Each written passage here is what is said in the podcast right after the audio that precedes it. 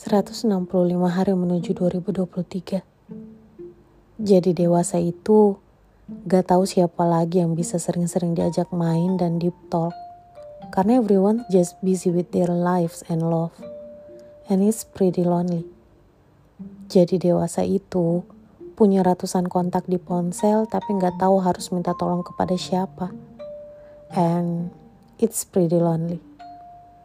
Jadi dewasa itu harus bisa jadi yang diandalkan di keluarga, dan semua bertumpu kepadamu. Tapi kamu juga butuh tumpuan, tapi everyone relies on you. And it's pretty lonely. Jadi dewasa itu mulai sadar arti kehidupan, mulai mengenal pencipta, tapi malah jadi nggak sefrekuensi dengan beberapa teman. Bahkan harus melepaskan hubungan-hubungan yang salah. And it's pretty lonely. Jadi dewasa itu harus terbiasa berbuat apa-apa sendiri, belanja kebutuhan sehari-hari sendiri, mengejar cita-cita sendiri, pulang ke rumah sendiri. And it's pretty lonely.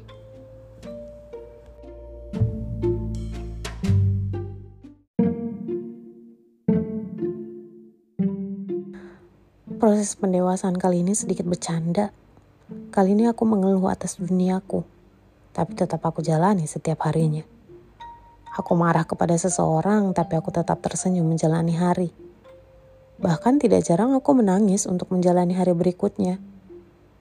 Tapi aku tetap menjalani dengan lapang hati. Kenapa? Karena I know, dewasa bukan tentang selalu merasa baik-baik saja, tapi bagaimana bertahan meski dalam keadaan terluka.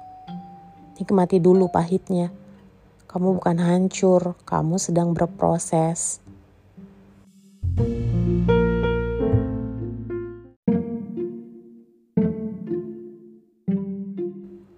Seseorang mengeluh kepadaku, "Hei, aku sedang sedih."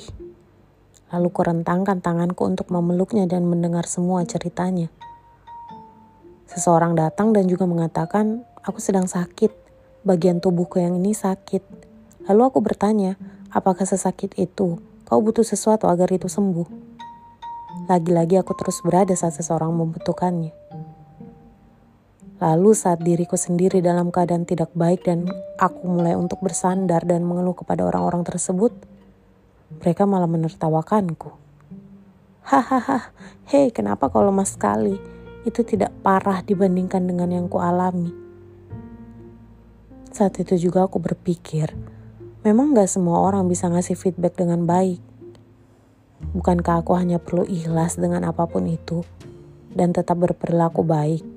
Atau aku akan memperlakukannya seperti mereka yang acuh?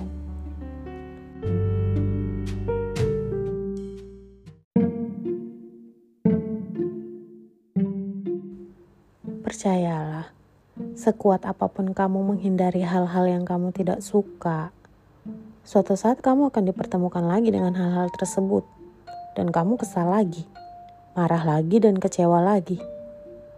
Belajarlah untuk biasa saja, meski itu dengan hal yang kamu suka atau yang tidak kamu suka. Karena jika kamu sudah bisa biasa saja pada hal yang kamu tidak suka, maka hal itu sudah tidak mempengaruhi emosimu lagi.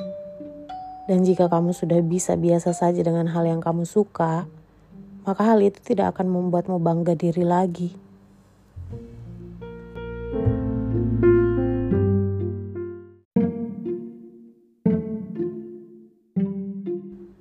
Terkadang kita memang tidak bisa menyalahkan orang-orang yang tidak tahu apa yang kita kerjakan. Sekalipun komentar mereka menyakitkan hati. Menghadapi orang-orang jenis ini tidak perlu terlalu serius biarkan saja mereka membaca kita meskipun keliru daripada menjelaskan siapa diri kita tapi menyulitkan. Bukan hal yang mustahil. Kelak, mereka akan memanen sendiri rasa malu dari sikap sok tahu yang terburu-buru.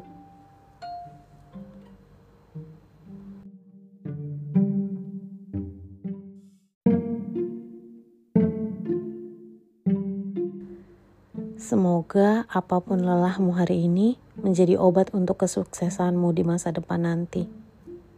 Bahkan jika seseorang yang kau anggap obat ternyata menjadi luka terhebatmu, itu karena obat sebenarnya adalah dirimu sendiri.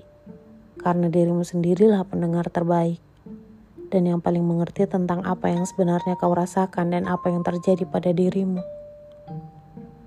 Aku sudah pernah merasakan semua kepahitan dalam hidup, dan yang paling pahit ialah berharap kepada manusia